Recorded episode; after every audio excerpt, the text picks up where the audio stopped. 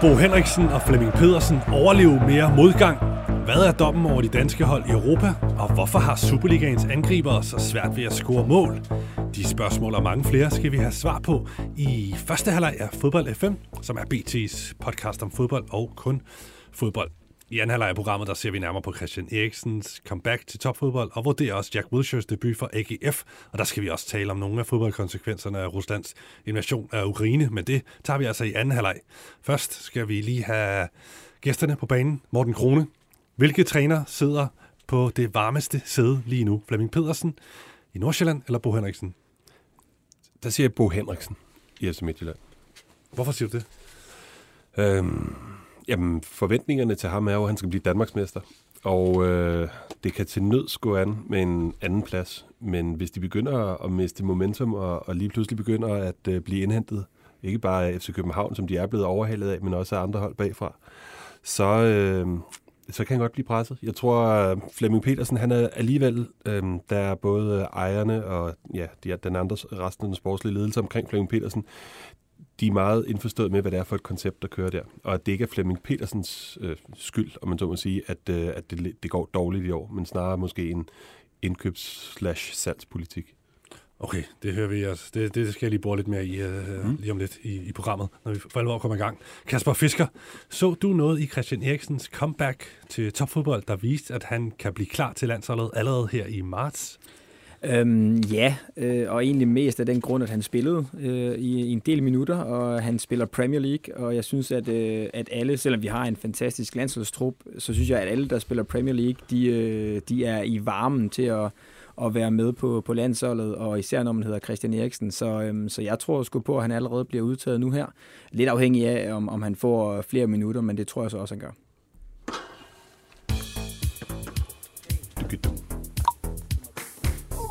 Jeps, vi er i gang med denne uges udgave af Fodbold FM. Mit navn er Steffen Kronemann, og velkommen til alle, der lytter og ser med derude. Og selvfølgelig velkommen til panelet også, som i denne uge er en uh, hot duo, bestående af Morten Krone, kommunikationsdirektør med ansvar for blandt andet sådan noget sports-PR og den slags hos Kielmeiden Kise.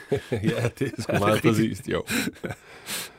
Tidligere har du en karriere som fodboldjournalist bag dig. Ja. Mange år i karriere, og hvor du nåede sådan godt op i, i rækkerne, var endt som uh, sportschef uh, på Jamen, BT. jeg føler jo stadigvæk, at jeg er på hjemmebane herinde i øh, BT, selvom jeg er jo på udebane, men har været her mange år, fordi at, uh, jeg både har været sportsredaktør på BT og Berlinske, som jo er i samme hus. Bare to forskellige etager herinde.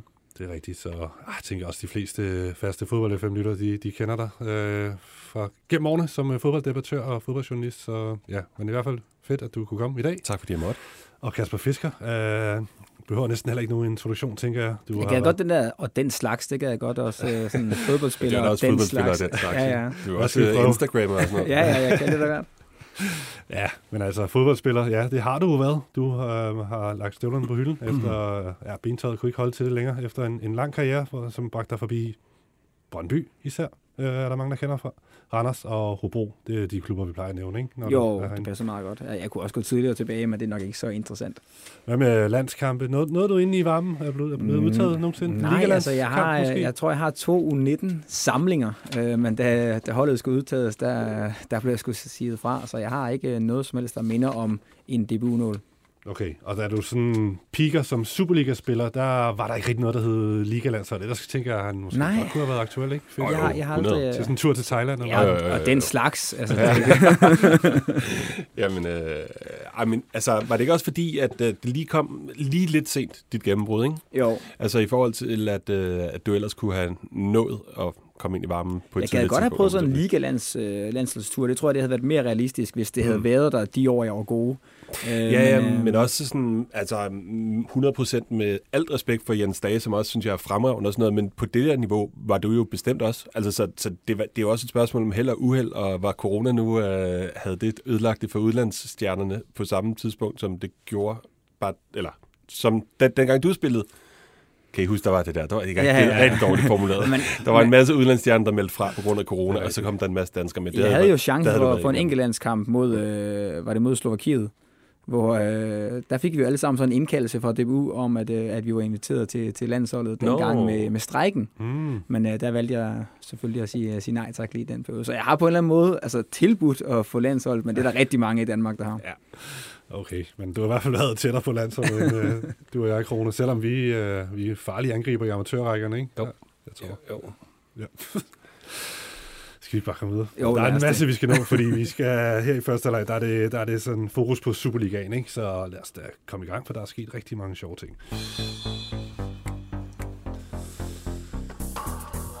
Først og fremmest i toppen, der har sejret FCK på en tricky udbane i Viborg, mens FC Midtjylland, de omvendt semifloppet i Odense med kun et enkelt point. Så nu har FCK tre point ned til Midtjyderne, som altså kun har fået to point i de seneste fem kampe. Er vi ved at se, at uh, guldet er ved at blive afgjort allerede nu her i, i tidligt i, i forsæsonen, og hvad i alverden er det, der sker i FC Midtjylland, som også uh, bliver ekspederet ud af Europa i den forgangne sæson? Det er nogle af de spørgsmål, vi lige skal starte med at få svar på her i den aktuelle øh, Superliga-gennemgang. Uh, Morten Krone, hvad, hvad tager du med dig som det vigtigste, der skete i, i Superligaen her i, i toppen, udover selvfølgelig resultaterne og så videre? Jeg tager med mig, at øh, FC København er det øh, mest formstærke hold af de to hold, som forventede sig at skulle kæmpe om det, nemlig dem og FC, FC Midtjylland. Ikke? Altså, det er jo et vigtigt tidspunkt at være formstærk på. Det er nu her, hvor vi nærmer os øh, de afgørende kampe. Øhm, dog er det endnu mere vigtigt, når de skal til at mødes indbyrdes i slutspillet, hvor de selvfølgelig begge to kommer med. Øh, de er sikkert allerede kvalificeret. Men altså, det, det, det er jo der, det hele bliver afgjort, men FC København er selvfølgelig kommet klart bedre i gang, og vi begyndt, eller vi man begyndte, om man så må sige, efter kampen her i anden runde allerede at tale om krise i FC Midtjylland, og det er lidt ærgerligt at komme i gang med sæsonen med en, en krise, men faktum er jo øh, fem kampe i træk og kun to point, og, og, og øh, kun et point efter de to første her i 2022, så øh, det, det er... Øh, det er, en, det er den vigtigste bevægelse, synes mm. jeg. Så kommer der også noget nedenunder, men hvad Kasper også vil sige noget, men der er jo andre hold bagfra, der også kommer, hvilket også er interessant. Og øh, ja, nu nævner Krone, at, øh, at øh, mesterskabsudspillet, det er jo der, der er indbyrdes kampe, og meget bliver afgjort der, men faktisk allerede om øh, to runder, der mødes FCK og mm. FC Midtjylland. Det er lige pludselig en øh, vanvittig vigtig kamp, ikke? Altså en sejr til FCK der, lad os sige, at begge hold vinder i næste runde, jamen så er det seks point lige pludselig, der adskiller holdene. Altså begynder vi at kunne se, at øh, vi, vi kommer tæt på noget, der ligner en kæmpe fordel til FCK her i, allerede i, gru, øh, i grundspillet, som vi er i gang med her nu?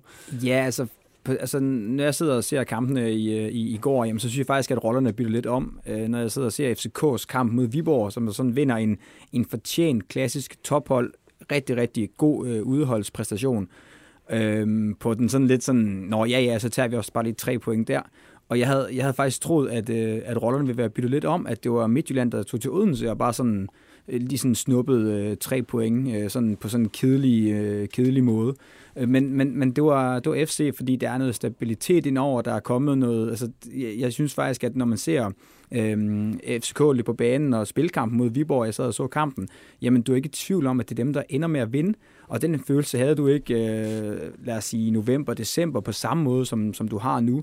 Øh, så, så jeg synes, at, at rollerne er blevet byttet meget om, og det er nok mere det, der gør for mig, at FCK, jeg havde Midtjylland for bare to kampe siden, havde, jeg havde dem som favorit, men nu øh, er det lige pludselig vendt på en, på en tallerken, på grund af det der udtryk, som de forskellige hold har, eller lige præcis de to hold har nu, og det er, for mig at spiller det en større rolle end de, øh, end de øh, tre point, der adskiller dem lige nu.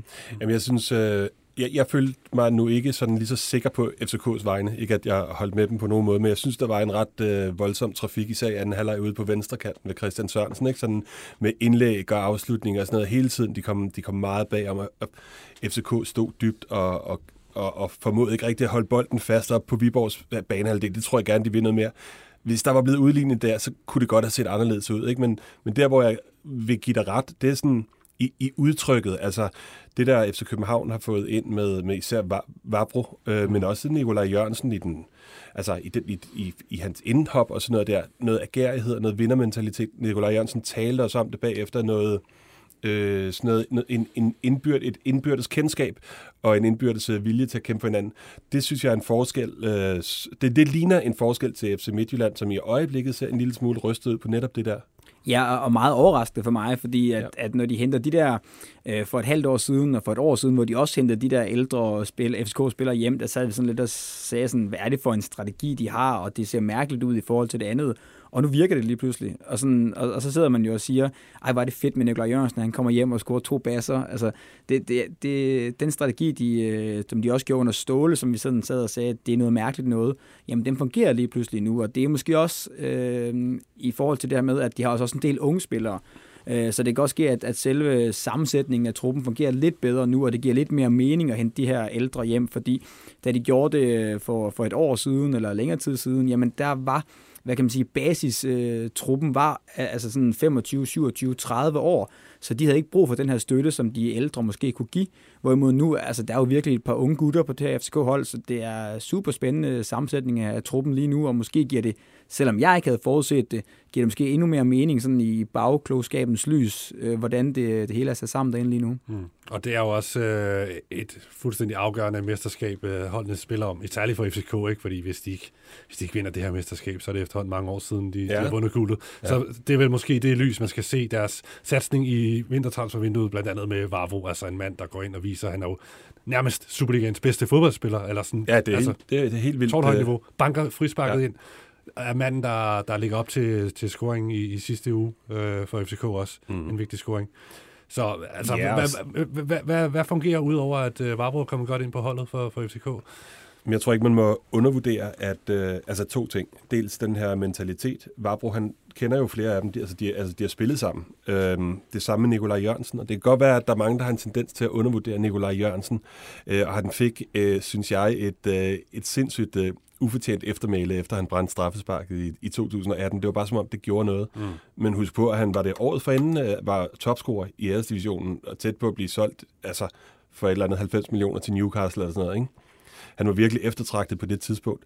Og da han var i FC København sidst, da han startede i FC København sidst, der var han Superligaens bedste spiller. Han gjorde jo sådan et impact, som Jesper Grønkær gjorde, da også han kom hjem til Superligaen. Så det er, det er kvalitet, og så er han også et menneske, som, øh, som på samme måde som Bøjlesen for eksempel, og Rasmus Falk, men måske lidt med, med lidt mere pondus, sådan er med til at løfte en trup positivt. Ham, ham, jeg synes, han er undervurderet både som øh, mennesket, lige fodboldspiller, og som fodboldspiller, fodboldspiller. Nå, det var den ene ting. Øh, den anden ting, det er jo selvfølgelig bredden i truppen, som er blevet øh, styrket. Jeg synes, det ligner nogle gode indkøb, de har gjort. Altså i går, der bliver Kevin Dix, Nikolaj Jørgensen, Lukas Lea er skiftet ind. Mm. Det er meget gode navne, ikke? At have siddende derude. Rutjolava spiller slet ikke. Øhm, og øh, og det, det, er, det begynder at se stabilt ud nu. Så, så må vi se, hvor, altså, hvor meget af det, der er sådan de, ny, nytil, de nytilkomnes, øh, øh, hvad skal man sige, øh, ikke begynder held, men hvad hedder sådan noget, den der energi, man starter med, ikke? Mm. og hvor meget af det, der holder i længden. Men jeg synes, det ser okay lovende ud, faktisk. Men altså, to sejre er det blevet til, det er jo to grimme sejre, tror jeg. Ja, det er det. Man fornærmer ikke nogen ved at Ej, nu, sige det, vel? Altså, nu lyder det, som om jeg har talt det vildt op, ja. men nu var det, hvad, du spurgte, hvad fungerer, for der er også ting, der ikke fungerer. Jo. Ja. Men ja, ja. Hvad, hvad har du set for, for FCK? Altså, de får, de får sejrene, det er vel det, der er det vigtigste, særligt her tidligt på sæsonen efter en lang pause, ikke? Jo, jamen, det, det, det er det, der er det vigtigste. Altså, det er klart, man, man savner stadigvæk Falk og Sækker. Øh, Falk øh, kommer ind og spiller i går, jeg synes, han laver lidt flere fejl, sådan øh, tekniske fejl, end han har gjort, øh, end han plejer at gøre. Han, han plejer at være umulig at få bolden fra. Der, der laver han lidt fejl, så han er ikke på sit topniveau. Men det er jo de to, der skal, der skal ind og spille, for at, at de får lov til at, at holde bolden op på, på modstanderens øh, banehalvdel og dominere det her øh, pasningsspil, som de, øh, som de også gerne vil have til at fungere noget bedre. Så det er lige præcis, som du siger, Morten, ikke kommer til at stå dernede, og bare, øh, og bare klire bolden væk og forsvare en, en, en, en 1-0-føring. Der vil de gerne have mere kontrol. For jeg, jeg er helt sikker på, at, at Torps strategi, altså FCK ville have kontrol med bolden og ville styre kampene øh, på, på deres måde. Og det gjorde de ikke helt øh, på, øh, mod, mod Viborg, men du sad alligevel med den her følelse af, at, at de skal nok klare den. Der var ikke på den måde panik over det. Øhm, så, øh, så, så det er helt klart det. det er, øh, de, de har fået mere kontrol over det. Okay, og øh, det er måske ikke sådan guld champagnefodbold, vi ser nu, men altså, de har hvad skal man sige, lagt fundamentet til, at de kan udvikle sig herfra. Tror du, det kommer til at ske? Kan du se det her hold vokse under Torps ledelse, også sådan mere spillemæssigt? Ja, det kan jeg godt. Nu, øh, nu nævnte øh, Kasper Rasmus Falk, som selvfølgelig, øh, som i mine øjne er Superligans bedste spiller, ikke? Øh, og som jeg glæder mig til at se altid. Øhm, og, øh, og han løfter også FC Københavns spil øhm, på netop de parametre, som Kasper nævner med, at han, kan, han er en af dem, der kan hjælpe med at fastholde bolden deroppe. Han kommer kun til at sige, blive bedre, med mindre han bliver skadet selvfølgelig. Øhm, så tænker jeg om ikke også, det er et bevidst valg faktisk, at Torup har stillet sig tilbage nu og sagt, okay, nu får vi styr på det her og starter bagfra i, øh, i sæsonens første to kampe netop med bevidstheden om, at, der, øh, at det ikke er et hold, der sådan lige er helt gearet til at kunne, kunne fastholde den så op, deroppe endnu. Så hvis de får øh, etableret den der defensiv, så, øh, ja, så er der selvfølgelig et godt udgangspunkt for at bygge på offensiven, og det er der, det er der brug for. Mm. Okay, men uh, et mindre godt udgangspunkt, det har FC Midtjylland givet sig selv med, øh, jamen, den her uafgjorte kampe, kamp i Odense, og rundt for inden, der taber de altså i Aalborg, og de har den her steam, der hedder to point i fem kampe. Hvor bekymret ville du være, hvis du var FC Midtjylland-fan, eller spiller, eller bestyrelsesmedlem, et eller andet fisker?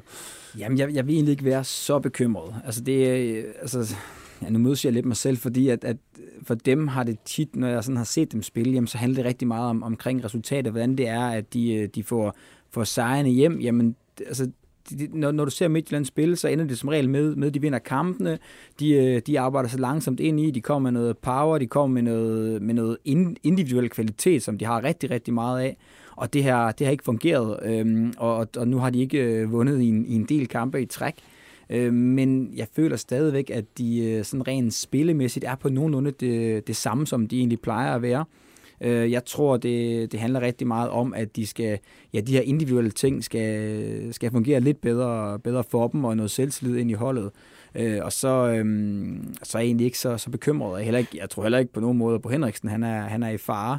Øh, nu skulle Morten selvfølgelig vælge, øh, hvem af de to. Jeg tror også, jeg havde sagt på Henriksen, men jeg tror egentlig ikke, at han, han er i, i fare øh, på, på nogen måde. Så jeg tror, de har okay ro på derovre, men skal selvfølgelig til at vinde øh, nogle fodboldkampe. Mm. Det her, er det en, øh, er det en krise? Er FC Midtjylland en krise? Øhm, det er jo så sjovt, ikke? Altså, at vi skal snakke om, om de er ja. krise, eller vi ved jo godt, hvad situationen er. Er mm. det så en krise, eller det, altså, det må være op til den enkelte, og hvad man synes, yes, hvis, det, hvis de taber igen næste gang, jamen, så er de i en eller anden krise, så er de nødt til at vurdere, hvad det er, de, hvad det er, de gør forkert. Om det er noget med, ja, hvad det er. Der kan være mange ting, ikke? Er der noget, der peger, krise eller er der noget, der peger på Bo Henriksen i det her? At, at han ikke rigtig kan, eller at holdet ikke kan, kan forløse det potentiale, der selvfølgelig er, for det er jo, det er jo den bedste eller næstbedste trup i, i Danmark, vel? Så, så de bør altså, jo vinde flere kampe. Jeg, jeg synes ikke, jeg kan tale øh, om det rent taktiske at påstå, at jeg har et bedre taktisk forståelse end, end Bo Henriksen. Mm. Og omvendt ville det også være utroværdigt at sige, Øh, at han ikke var i stand til at løfte et hold, fordi det er netop det, han altid har været. Så det vil være lidt underligt. Men der er noget, der ikke fungerer. Og øh, man kunne både i FC København og FC Midtjylland spørge, hvad sker der, når der kommer så mange nye spillere ind? Og øh, der ser det bare ud som om, at det har fungeret bedre i FC København, og at øh, det er lidt sværere at se, hvad hierarkiet er i, i FC Midtjylland, altså bortset fra Svirchenko.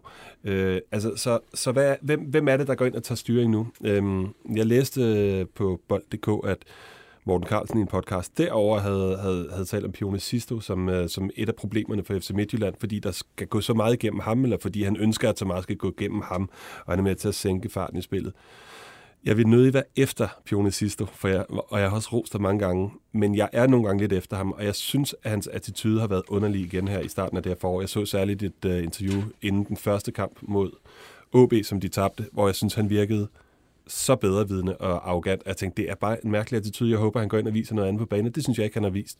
Hvis man har øh, de kvaliteter, som han har, og den stjernestatus, så, øh, så synes jeg, at øh, så, skal, så skal man også præstere. Og hvis ikke man kan gøre det sådan rigtigt med... Øh, med sine afslutninger og afleveringer, eller hvad det er, så skal det være, øh, ligesom Kasper Fisker altid i øvrigt har gjort derovre øh, på den anden side af bordet, kæmpet røven ud af bukserne. Altså det, det klæder alle og enhver, og mm. det klæder ingen at uh, hverken præstere eller være arrogant, som jeg synes, han har været. Han starter så også ude her i, i, i Odense og kommer, kommer på banen i, i, i anden halvleg.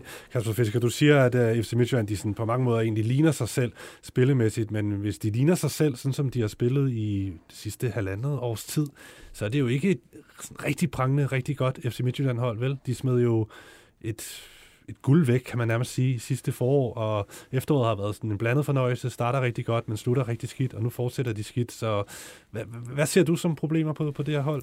Jamen, vi, har, vi har jo snakket om det i lang tid, det der med, at, øh, at de to øh, store økonomiske tophold, lad, lad, mig kalde dem, lad, lad mig kalde dem det, at de har jo ikke præsteret i lang tid, og nu sidder vi så og snakker om, at, øh, at FCK lige pludselig øh, toppræsterer, og Midtjylland har smidt, smidt nogle, øh, nogle øh, nogle sejre væk, eller i hvert fald har, har mistet en, en, en del point. Og det er jo, det er jo mega meget så et, et klassisk øjebliksbillede, vi sidder og, og roser, for jeg sidder og tager mig selv i, at, at alt det, jeg sidder og siger om FCK nu, Jamen det sagde jeg om FC Midtjylland for, øh, for to kampe siden, og, og alt det, jeg sidder og siger om, øh, om FCK, jamen det sagde jeg om FC Midtjylland. Mm. Altså, altså rollerne er i øjebliksbilledet byttet fuldstændig rundt i forhold til, jamen nu er det lige FCK, der vinder de her kampe, og ser sådan, altså et, et, et mål, når man kommer til at føre, jamen det giver bare noget ro, det giver bare, at, øh, at, at, at forestille jer, at det var, det var Midtjylland, der på den måde øh, stod der og var foran, og Svirtjenko kunne stå dernede og forsvare det hele.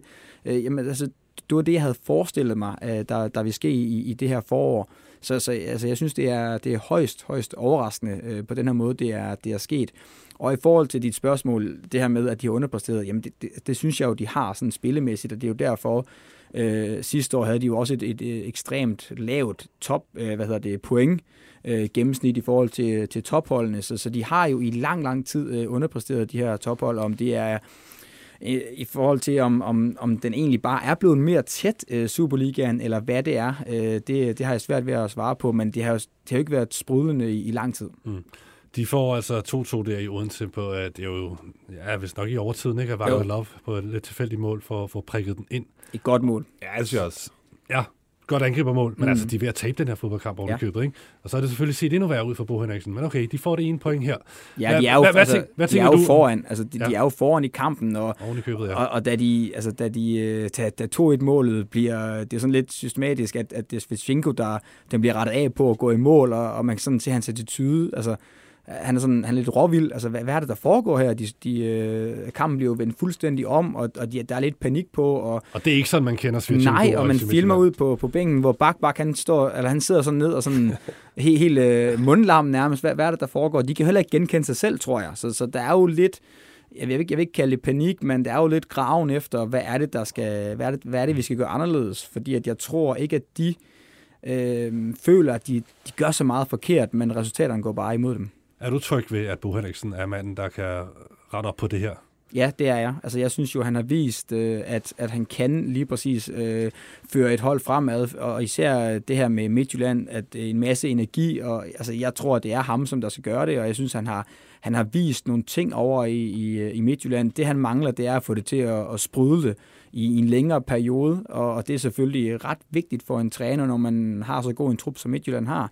Men, men jeg synes, han har, der, er, der er en del af hans projekter, som der trods alt er lykkedes. Øh, selvfølgelig ikke at blive Danmarksmester, men, men, men derudover. Okay, det ser også ud til, i hvert fald udad til, der, der siger FC Midtjylland-ledelsen, at de har fuld tiltro til Bo Henriksen, Svend Grausen og på onsite øh, tv i går, og i hvert fald sige, at der, der er ro på, og de tror på, på det hele selvfølgelig. Så øh, ja, ja, løbet er jo langt fra kørt, kan man også sige. Nej, overhovedet ikke. Alright. Lad os lige, uh, Krone, er du manden, der kan sætte et par ord på, på OB's indsats i den her kamp? De øh. stod og kunne godt bruge tre point i sådan en fodboldkamp her, en lille, lille optur, ikke? Det kunne de bestemt godt. Men de smider det væk i, ja, i overtiden. Ja, Øh, ondt gør det i, i Odense, og når man kigger på tabellen også. Nå, det tager jeg ved med gør, gør rigtig ondt. Der, var, der blev også zoomet ind på Niels Thorborg, da de førte 2-1, og øh, han lignede en mand, der virkelig, virkelig ønskede sig, at, øh, at den holdt hjem, fordi det er ikke så mange af de store sejre, OB de får. Øh, men jeg synes egentlig, at de, øh, de gjorde det godt. Jeg er så imponeret over det selvfølgelig. De gjorde et comeback efter at være bagud med, med 2-1, hvilket jeg tager som øh, ja, ekstremt øh, positivt for... Øh, for OB, at de, at de overhovedet øh, vender den om og, og, og tror på det, når man kommer bagud mod en af mesterskabsfavoritterne. Øhm, så der skal, lidt, øh, der skal lidt mere, nu scorede de godt nok to mål i går, men alligevel, der skal lidt mere pondus i angrebet, og så, øhm, så lad os se. Det er, jo ikke, det, er jo, det er jo svært at virkelig forvente sig noget af OB mm. efter så mange års øh, middelmodighed, men, øh, men jeg synes, i går var en, var en fin kamp. Er du enig, øh, Fisker? Var der noget, der... Var det mere nedtur, end det var optur for, for OB det her, eller hvad, hvordan så du det? Jamen, altså, de må, ikke smide, de må ikke smide den væk i den situation, de står i. Øh, som Morten siger, de har virkelig brug for, øh, for et positivt resultat. Altså, det er, det er virkelig en, en klub og en trup, som jeg tror, der er hårdt ramt øh, på alle mulige måder. Jeg synes, mm. de... Øh, Altså, jeg synes jo, OB gør det dårligt på stort set alle områder. Altså, om det er kommunikation, om det er spillet på banen, altså, du, hvad det er, deres stadion, altså, altså deres faciliteter. Jeg, jeg, jeg har virkelig... Øh, jeg, jeg synes virkelig, det er, det er en skam, og det er, det er jo en klub med et kæmpe potentiale. Øh, så, så de har jo de, de skal jo bare vinde den kamp, når de får det her fantastiske resultat, og, og, et, og et fedt Odense Stadion med super mange mennesker. Mm. Jamen, de skal da give de her mennesker den her, og det ved jeg selvfølgelig godt, det, det er også det, de prøvede på, men de skal da give øh, OB og Odense den her oplevelse, det er at vinde over et, et tophold. Mm. De er jo tæt på. Altså, de er jo virkelig tæt på at vinde til sidst. Det er kun en øh, mirakelredning, øh, der gør, at de faktisk får 3 ja, ja, ja. ja. Unge 18-årige Breum der, som øh, ja. gjorde det så flot i parken, kommer ind i den her kamp, har den der kæmpe chance. Og ja. Jeg lægger mærke til ved Midtjyllands scoring, der er det altså ham, der står nærmest Wagner Love. Ja. Altså en lille 18-årig dreng skal stå og dække Wagner Love op på en dødbold i overtiden så skal det gå galt, ikke? Det, ja. det så heller ikke helt afstemt ud, men nej, øh, det er sådan meget nørdet. Ja, det, er jo, det er jo overtids, øh, overtids stødbolde, og der, der sker der jo altid noget. Der er også en målmand, der er med op, og det er jo, det er jo derfor, en, en Midtjylland-målmand kommer med op. Det er jo for at skabe de her, de her ting, så det er sådan, det ser jeg lidt mere som en, som en tilfældighed, men selvfølgelig øh, er det aldrig super fedt at se efterfølgende, når man skal analysere sådan noget. Mm. Okay. Nå, men, ja. men jeg, synes, jamen, jeg synes faktisk, Øh, OB, jeg kan godt tænke mig at være bare en lille smule mere positiv over OB, bare i for, fordi jeg har været meget negativ over Men når man ser sådan alligevel en offensiv med Sabi, Jibali, Sander Svendsen og øh, hvad en Kadri for, øh, fremme, ikke? Det, det, det, det, kan jeg meget godt lide. Øh, og, øh, og så netop Jakob Breum kommer ind, og de har stadigvæk nogle af de der OB, OB-gutter og sådan noget der. Øh, det, jeg, hvis, hvis, jeg synes, der er lidt mere fremskridt lige nu, end der har været mm. i lang tid. Lad os se, hvad, hvad de kan gøre med okay. det. Skal vi lige sætte nogle ord på den her Lars Høgh tribute? Det har været meget omtalt. Ikke? Mm. Altså, de havde øh, den her Lars Høgh øh, legendetrøje på, som øh, var en kopi af den øh, målmandstrøje, øh, rigtig 90'er design fra, ja, fra, fra Real Madrid-kampen, Mirakelkampen i, i 1994. Øh, det var en meget fed gestus, men der har været lidt røre omkring den øh, i forhold til, hvordan de har håndteret hele kommissionen, øh, og hvordan de her velgørenhedspenge skulle fordeles. Men nu havde de den altså på, og øh, der tribunerne øh, havde også nogle fede tifos med, med, med Lars Høgh. Hvad, hvad gjorde det ved dig, øh, Kasper Fisk, at se det? Jamen, altså selve gestusen er jo, er jo fantastisk, og det er jo noget, som der tror jeg, altså lige præcis Lars har jo påvirket mange i fodboldverdenen af hans, øh, selvfølgelig også, han er, han er jo ældre end, end eller han er jo så gammel, at, at, jeg ikke, øhm, at jeg ikke nåede at se ham spille aktivt, men, men på fodboldverdenen ved siden af har han jo gjort et kæmpe indtryk på rigtig, rigtig mange i fodboldverdenen. Så, så selve gestusen og det, de, øh, det, de gjorde, er, er jo en, en super god ting, men deres kommunikation omkring det og måden, de har gjort det på, er jo øh, for mig sådan en, en, en skandale. Øh, og, og det er primært en skandale på den måde, at det ikke er første gang, de, de dummer sig i den her sag og gør noget, som der ikke er særlig fedt øh, og som der er et, øh, et, super, øh, et super følsomt, øh, en super følsom ting at gøre. Og når man gør sådan nogle følsomme ting, som der stikker så dybt øh, ved rigtig mange mennesker, og især ved, ved Lars' nærmeste, jamen så skal man bare have styr på, hvad man gør. Og det har de ikke haft øh, flere gange, og det synes jeg, det er, ja, det, jeg synes det, det er, det er en skandale. Hmm. Kommer de i mål med det, trods alt, Morten Krone? Der har været en masse rør omkring det her, hvordan de... Øh ja, ikke rigtig haft uh, Lars Høgh-familien uh, med ombord i projektet på, på, en, på en ordentlig måde, og det her med, at uh, det var ikke alle penge, der skulle gå til velgørenhed, de ville selv tage nogle af pengene fra, fra den her legende-trøje, hyldestrøje. Uh, det, det har selvfølgelig ikke været kønt. Det, er jo altid... det kan du sætte nogle ord på, men kommer de så i mål med det, når man så ligesom ser Ja, det synes jeg faktisk. Altså, der er jo, når nu skaden er sket, ikke, så er det jo virkelig svært at gøre den god igen. Uh, men jeg var dog imponeret at se så mange mennesker på Odense Stadion og overse Odense-fansenes uh, øh, tifo med de her store Lars Høgh-banner. Og øh, der var der også nogle spillere, eller nogle øh, fans, der havde trøjen på så bag, det, bag det ene mål. Så et eller andet sted kommer de vel, kommer de vel i mål, trods alt.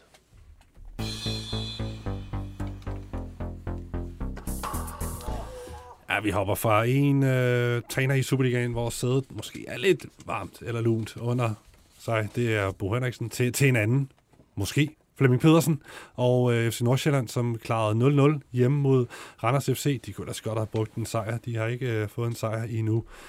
13 Superliga-kampe plus en enkelt pokalkamp, hvor de røg ud til OB i efteråret. Så den hedder altså 4 point øh, i de seneste 13 Superliga-kampe. Men måske lidt mere positivt, trods alt tre uafgjorte og kun to nederlag i de sidste fem kampe, hvis vi har lidt kortere blik på det. Mm-hmm. Krone, hvad er dit, helt, dit take på det her FC Nordsjælland hold, som måske også er en form for krise, og deres kamp i bunden. Ja, men mit take er jo, at jeg tror, der er blevet fjernet for mange profiler, og det, det er jo langt fra den første, der siger, men må ikke det er det, det primære, altså der er røget for mange profiler ud i forhold til, hvad de har formået at udklække som øh, af nye talenter, som jo er deres forretningsmodel. Så øh, jeg, jeg tror, det er så simpelt, og det synes jeg også, at man har kunnet øh, tolke ud af deres øh, handler her i efteråret, ikke? eller slutter i vinterpausen. De har, øh, de har hentet nogle, nogle spillere ind, øh, som, øh, som havde noget rutine, enten i form af alder, som, øh, som Erik Marksen eller Mads Bistrup, der kommer fra en, fra en højere hylde, ikke? Og, øh, og så nogle andre spillere, hvor der, hvor der simpelthen var behov for det, i målet for eksempel. Øh, så jeg tror, de har været klar over, at okay, det, det her det handler om, øh, om simpel kvalitet i truppen, og det, det er vel også sådan, jeg ser på det. Altså det er, det er jo fantastisk, at han spiller som øh, Andreas over på løbende rundt. Jeg synes, han spiller fremragende, men han gør det også meget alene det hele. Han, han har helt klart brug for de der spillere omkring sig, der også har noget, mm, øh, noget, noget alder og noget tyngde. Kasper Fisker, de har mødt uh, to af dine gamle klubber, dem du følger tættest. Randers uh, her senest, og så, så Brøndby her i, i foråret. Um, hvad har du set for FC Nordsjælland i de to kampe? Jamen, jeg, jeg har set begge kampe, og, og især i, i søndags valgte jeg at se, se hvad hedder det, Nordsjælland Randers, selvom at jeg havde virkelig lyst til at se Silkeborg op i, op i Aalborg, men sådan, nu var det min gamle klub, og, og det, var, det var meget sjovt at se det der med, at de havde hentet Maxen ind, og, og hvad ligesom det gjorde, og, og og, øhm, og jeg må bare sige, at de spiller en superkamp. Altså det, det gør de, og de har, de har skulle fortjene sejren. Randers kommer lidt sløjt derop. Øhm, men de skal nok klare den, og Flemming Pedersen er ikke, øh, er ikke troet, og jeg tror snart, de kommer til at vinde, øh, vinde nogle fodboldkampe. Og så, så synes jeg, jeg, altså jeg vil virkelig rose dem for, øhm, altså jeg tror også, det er det her, jeg overvejer, om det skal være mit, øh, mit skulderklap i, i den her uge, men, men det der for, at, at de, de er så fast på deres øh, koncept, så kan de godt se, okay, hvis, øh, hvis de rykker ned, jamen så hele deres øh, forretningsmodel, jamen den, øh, den går i stykker, og så går de faktisk ud og, ud og handler, uden man egentlig føler, at de er gået på kompromis med deres projekt, men de går ind og handler super, super målrettet for Andreas Hansen ind, som der jo, altså Andreas Hansen og Erik Maxen redder dem jo fra at tabe igen. han har en fantastisk redning i, i anden halvleg, hvor Maxen efterfølgende redder den ind på stregen. Altså det er jo, det, det viser jo bare, at, at den der rutine, de lige stod og manglede, og en målmand, som der, undskyld mig, kunne, kunne tage med hænder, og som der mm. egentlig er en målmand, jamen, øh, men, men, men så får man lige de her ekstra point, og det kan være, at her en point, det er med til at gøre, at man får tre point næste gang, frem for at man havde tabt 1 eller 2-0 til, til Randers hjemme hvor de spillemæssigt var bedst. Okay, så altså forholdsvis ro på hos øh, jer to i forhold til Flemming Pedersens situation, FC Nordsjællands situation, selvom Vejle vinder, og de nu kun ja, har fem point ned til Vejle har kun vundet én kamp Øh, altså, de vinder en, en flot kamp over AGF, men, men uden, altså, det er jo sådan lidt en, en typisk AGF-kamp at tabe lige pludselig til, til Vejle, så, så man skal bare sådan lige i forhold til dem, skal man, skal man lige tage det roligt, og, og lade os se, hvad Vejle kommer med næste gang og næste gang i, i, igen, inden man skal begynde at være urolig. Men jeg tror på, at Nordsjælland de nok skal klare den, og de mm. nok skal komme til at få nogle flere point. Ja, jeg er egentlig positiv, ligesom Kasper. Nu spurgte du til, hvad det var, der var, hvad jeg så som det, der var galt. Øh, men jeg er egentlig også positiv efter de to første kampe. Altså Brøndby spillede virkelig godt i den første kamp. Øhm, og, øh, og i går, der, der har jeg også noteret mig, at de, altså, at de var virkelig fremragende i perioder. Altså, men de havde måske en tendens til ligesom lige tage en, en berøring mere, eller en aflevering mere, for at komme endnu tættere på mål. Ikke? Altså, de skal have det der øh, slutprodukt, for nu at bruge en kliché på. Øh, fordi hele vejen op til målet, så er det virkelig godt ud mange gange, synes jeg. Okay, godt. Lad os lige hoppe til kampen op i Aalborg, som du også lige får nævnt, hvor Silkeborg øh, foldede sig ud, så man kan godt forstå, at du gerne ville se den kamp øh, kontra den her 0-0-kamp, selvfølgelig på papiret sjovere. Øh, og det var noget af et festfyrkeri, særligt i anden halvleg for, for de her oprykker fra Silkeborg. 4-1 vinder de op i Aalborg.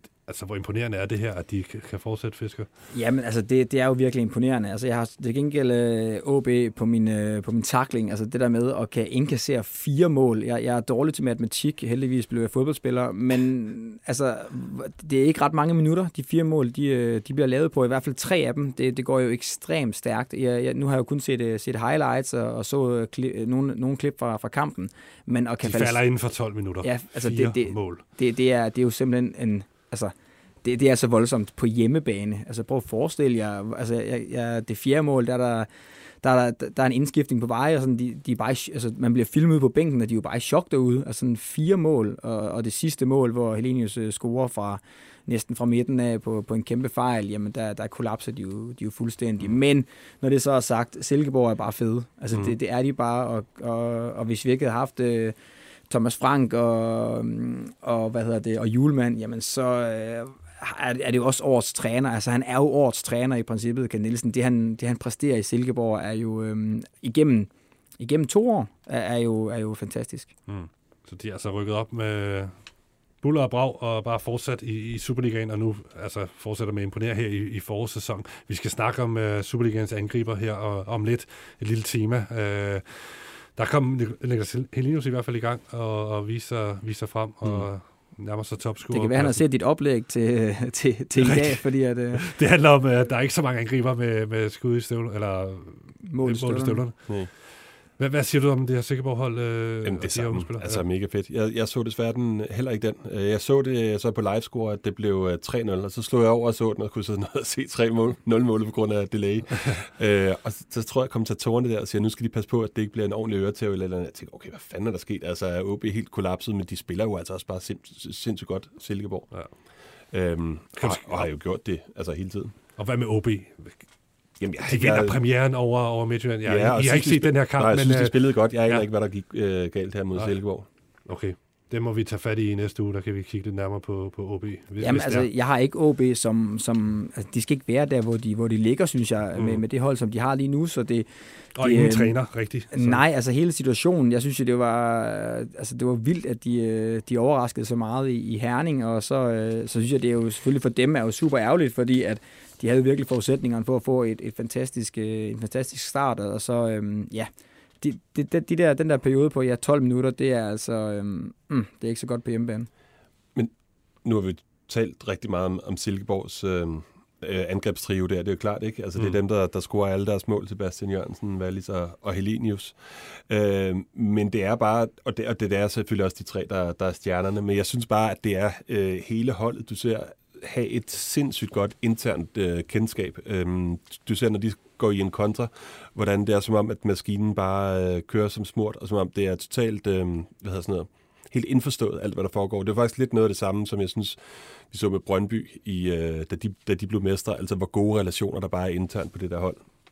Ja, så altså en, et godt eksempel på det, det er jo, øh, de har købt øh, Lukas Engel nede i Vejle, som der, øh, jeg, jeg spillede sammen med ham i, i Fremad Amager, en fantastisk motor, et fantastisk dreve, øh, god energi, øh, spiller ikke rigtig en rolle i Vejle, sådan de, jeg, jeg tænker, de nærmest bare har, har fået ham, øh, og så går han ind, og de to første kampe, jeg, nu har jeg set begge kampe, og at de har, altså, han har jo virkelig, virkelig været med i mange øh, chanceskabende afleveringer, og kommer bare ud på, på venstre bak, og det er jo et godt eksempel på, jeg tror, det er rigtig, rigtig nemt at komme ind på det her øh, Silkeborg-hold. Altså, det, det, det synes jeg, det viser rigtig, rigtig meget. Øh, sådan en type som, som Lukas Engel, der bare kommer ind med det samme, og, og de to første kampe dominerer så meget, som han, han har gjort på hans øh, venstre bak, især offensivt.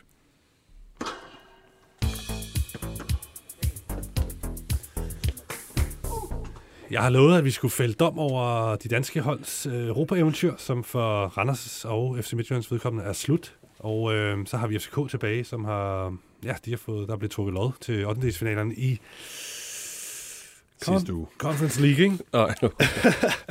Sorry. Du skulle ja. bare sagt sidste uge. Ja, i sidste uge. Præcis, så jeg ikke udstillet mig selv. Det er Conference League, FCK er, er, er videre i.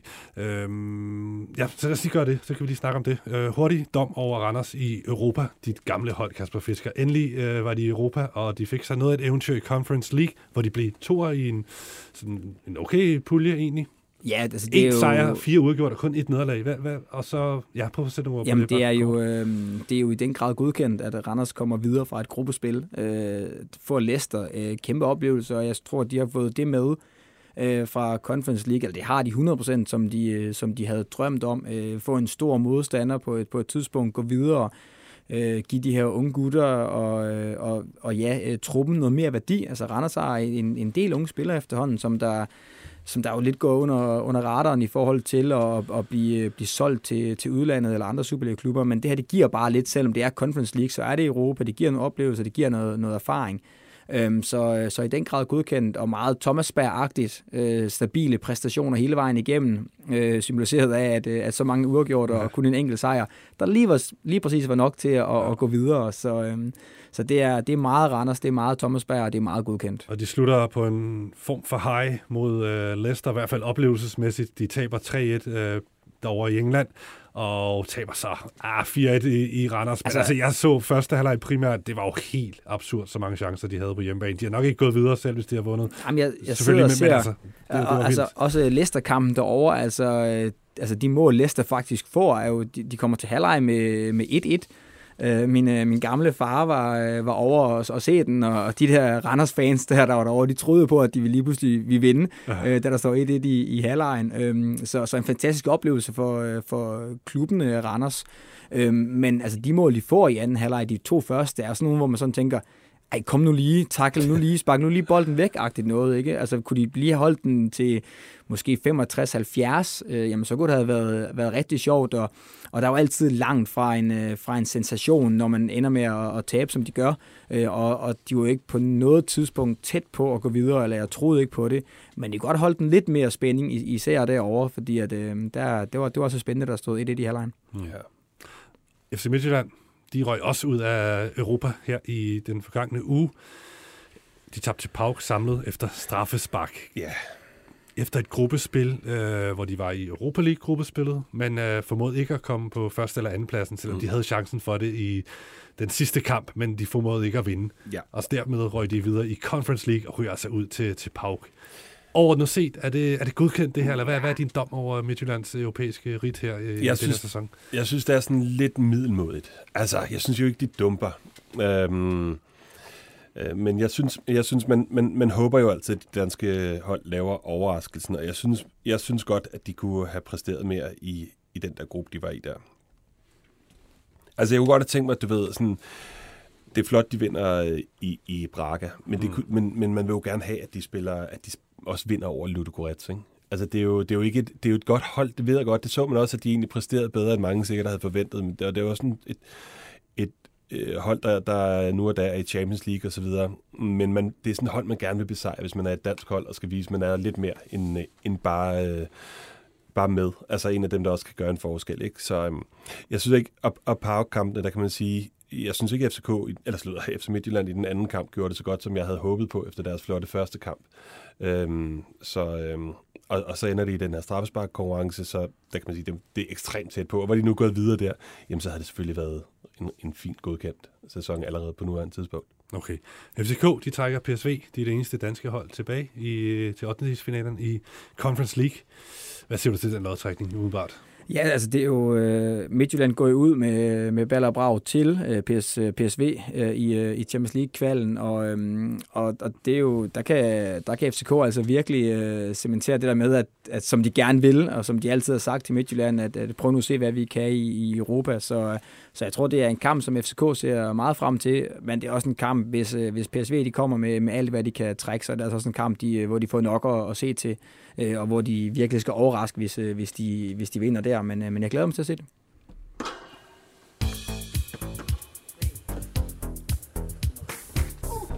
Ja, vi skal lige nå et sidste lille emne, inden vi hopper på pause her i første halvleg af fodbold FM. Jeg kiggede lidt på topscorelisten i Superligaen, og for mig som gammel amatørangriber på Kløvermarken, der er det sgu lidt øh, ynkelig læsning. Øh, altså sådan for os, ja, der holder jeg ægte angriber med sande målnæser. Topscorerprisen ser ud til at være historisk billigt til salg i denne sæson. Kasper Fisker, hvorfor ser det så sløjt ud? Lige nu der er det Michael Ure, som er... Ja, inden, inden den her runde var han den eneste på to cifrede med 11 mål. Så kom Helenius lige op på 10 med sit hat her. Hvorfor, hvorfor ser det så sløjt ud? Der er spillet, hvad, 20-19 kampe? Jamen, jeg, jeg, altså, det er vel en tendens i Superligaen, og jeg synes ikke, det er en ny ting. Jeg synes, det er en, øh, en, en ting, som der er kommet de sidste mange år. Jeg tror, fodbolden bliver mere kompleks. Jeg tror, man skal kunne mange flere ting som, øh, som fodboldspiller, og jeg tror, man helt nede fra fra ungdomsårene på den måde, man bliver uddannet, også som en topscorer, ja, man skal deltage i spillet, skal ikke bare være inde i boksen. Altså, det tror jeg, at man, man lærer fra, øh, fra, fra ungdomsfodbolden af, øh, og det tror jeg også, man bliver nødt til at lære, hvis man skal sådan rigtig kunne, kunne, øh, klare sig. Øh, jeg synes faktisk, at hele den her tendens kom lidt med, øh, med Messi og Ronaldo, der jo heller ikke var rigtige angriber, men som der lige pludselig tordnede frem med, øh, med rekord øh, mange mål. Øh, og, øh, og, og, og det var ligesom derfra, hvor man sådan, jeg kunne huske dengang Ronaldo kom frem, hvor han sådan scorede sindssygt mange mål, man sagde, hold kæft, man som højre kant, det er jo, det er jo vanvittigt. Så var det senere hen, at han blev øh, ligesom sådan set som en, som en topscorer, men han startede heller ikke som en, som en rigtig ni, nier. Messi med, som topscorer er jo heller ikke det. Mbappé er jo heller ikke øh, det. Altså, så, så jeg tror, det er en tendens i fodbolden, at spillerne skal kunne øh, mange flere ting. Mm. Hvad siger du, Krone? Altså, det, er, det er selvfølgelig sådan en tendens, ja, der, det har man jo set i, mm. i fodboldverdenen igennem en del år. Men alligevel sådan, hvis vi bare lige zoomer ind på den her sæson, og, og Superligaen og kigger på de navne, der er sådan noget, altså er du ligesom, savner du ligesom jeg sådan nogle ægte angriber, at de kommer lidt mere i spil, og vi, Ja, ja, det er så jo er nogle af klubberne, der har dem, altså. Ja, men det synes jeg er altid sjovt, men, men, men altså, jeg har også uh, to forklaringer på det. Det ene, det er det der strukturelle eller anatomiske problem, uh, eller uh, aspekt, som Kasper nævner der, ikke? Altså, at, uh, at der er mange flere, der også scorer målene. Baks er blevet mere offensiv, end de var i gamle dage. Tier er ofte blevet mere sekser, angriberne søger ind fra kanten. Øh, så er der lige pludselig færre til at servicere sådan de rene angriber, og der er andre, der begynder at score målene og sådan noget. Ikke? Så der er, der er bare en større udbredelse af selve målene. Og så tror jeg, at den anden ting, det er sådan den lidt... Øh, øh, kan man sige, sæsonbetonet fra sæson til, til sæson. Øhm, lige i øjeblikket har vi rigtig mange angriber i Superligaen, der lige så godt, eller slutter i udlandet, der lige så godt kunne have spillet i Superligaen og scoret mange mål. Ikke? Altså i gamle dage havde vi Søren Frederiksen, Steffen Højer, Morten Duncan, som bare var i Superligaen hele tiden næsten. Ikke? Mm. Øh, lige nu har vi Michael Ure, Jonas Vind, Markus Ingvartsen, øh, Skov Olsen, Jesper Lindstrøm, Robert Skov, Simon McKinnock, som alle sammen har scoret rigtig mange mål i Superligaen, og som måske for nogle år siden var blevet her, eller var vendt hjem igen, men som lige nu er derude. Ikke? Og så har vi alle de udenlandske målscorer, som har scoret rigtig mange mål de senere år.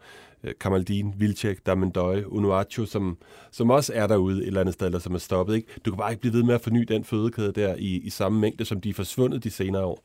Øhm, og et eller andet sted ser jeg det jo som et positivt tegn, at de trods alt er derude, og at de ikke bare sidder på bænken derude, men at de rent mm. faktisk løber rundt og spiller. Ikke? Okay, for, for i den her sæson, der er det altså Michael Ure med 11 mål, øhm, som er topscorer. Helenius kunne godt være et, et varmt bud på en, en topscorer så til, til, når sæsonen er slut, ikke? Med, med sine 10 mål. Derefter så, så er det jo typer som Pep Biel, en offensiv midtbanespiller, der er FCK's topscorer med 8 mål. Så har vi så Brumado på, på 7 mål, en, en rigtig angriber i FC Midtjylland. Men ellers så er det Wallis og Jørgensen, kandspiller i, i Silkeborg, som også markerer sig på den front. Ellers så skal vi sgu langt ned for at se, Jamen, finde Patrick Mortensen ja, for eksempel som altså, en rigtig angriber. Der, der er jo et par stykker, der, har, der sådan har, har skuffet lidt i forhold til Brumado. Kunne godt have, have haft nogle flere mm Øh, hvis man er topangriber i Midtjylland og en rigtig nier, så skal man nok øh, score lidt flere mål, uanset hvor, hvor godt man gør det. Og så selvfølgelig Patrick Mortensen, som der også plejer at være garant for mål, har jo heller ikke haft sit, øh, sit bedste øh, Nej, efterår. Været skadet øhm, og sådan noget også. Ja, så, så der, der er også nogle ting der. Altså havde de to øh, sammen med Helenius og Ure øh, været nummer 1, 2, 3, 4, jamen så havde situationen været lidt anderledes. Mm. Og så i forlængelse af det, du sagde, Krone, er det vel også påfaldende, at, øh, at tre angriber er blevet solgt her i, mm. januar, som markerede sig på listen. Øh, Grønning i, i Viborg med seks mål.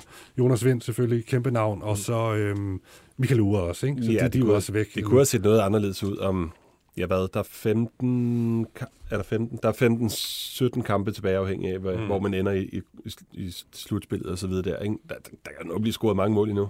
Men det bliver ikke en, øh, en vintage-sæson for, for, for Superliga-angriber. Nej, det gør det nok ikke. Øh, som regel vil en topscorer i Superligaen komme op på ja, 19-18 mål. Det er jo ikke, fordi det er så vildt. Og så er der enkelte det, spillere, der eksploderer, som Robert Skov med, med 29. Ja. Så, så problematikken er måske ikke så stor, som jeg gør den til, eller hvad? Jamen, øh, det, det er da det, ja, nu er det jo så et tema, ja, i hvert fald i fodbold FM. Altså, øh, og øh, jo, jo flere, der scorer mange mål, desto federe og sjovere er det da også. Det synes jeg da også, men, øh, men men det er da også, øh, de enkelte hold synes jo også, at det fedeste er, at de, at, at de scorer mål nok til at vinde. Og så er det, øh, så er det da mindst lige så rart, at det kommer fra, øh, fra så bred en kant som overhovedet mm. muligt en lille tendens, jeg, jeg så, som selvfølgelig på mange måder jo egentlig er oplagt, men altså når man kigger på holdene nede i bunden, så er det også de hold, der har, altså hvis topscorer har scoret to eller tre mål. Sønderjyske, der er det altså en bak med tre mål, der er deres topscorer. I, i Vejle, der er det Djordjevic og Dimitrios øh, med hver to mål, som jo stort set ikke spiller lige nu. Og, og OB, der er det Fryg her med fem mål og så videre. Så ja, det, det, det siger jo noget om et fodboldhold, hvis de ikke har en angriber, der kan score mål. Altså, så, synes, så ryger man ned i, i bunden af rækken, ikke? Hvis der er et... Øh, jo, helt, helt sikkert. Og hvis der er en, en topscorer med to mål i en klub efter en halv sæson, det er altså... så har man et problem. Ja, det, det har man altså. Øh, og, det, altså. og det er jo heller ikke sådan super sjovt for Brøndby lige nu at se. Jeg ved godt, de har uger, og det er selvfølgelig et, øh, et, et, et forkert billede, men, men Kabis med tre mål og topscorer for Brøndby, det må da være meget sejt for ham at rende rundt derude og, og sige, hvad så gutter? jeg, jeg er topscorer. Altså, sådan, det er jo det er jo lidt, øh, ja, ja, ja, lidt, lidt, lidt øh, spøjs, men det er helt klart en, en tendens. Men det kan også være farligt. Var det ikke uh, Thomas Rytter, der som uh, bak drillede Jon Dahl med, at han havde scoret flere mål, fordi han havde scoret et, og Jon havde ikke fået scoret endnu. Det endte um, med en blodtud på Café Ketchup. Var der ikke noget med det? okay, Jeg tror, det var sådan noget. Okay.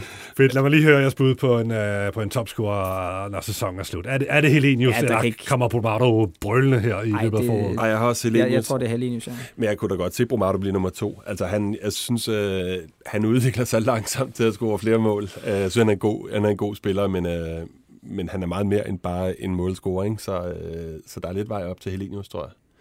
Nu se, Pep, jeg var overrasket over, hvor mange, øh, hvor mange afslutninger Pep Biel blev ved at komme til. Altså, han, øh, han havde også øh, mulighederne i går.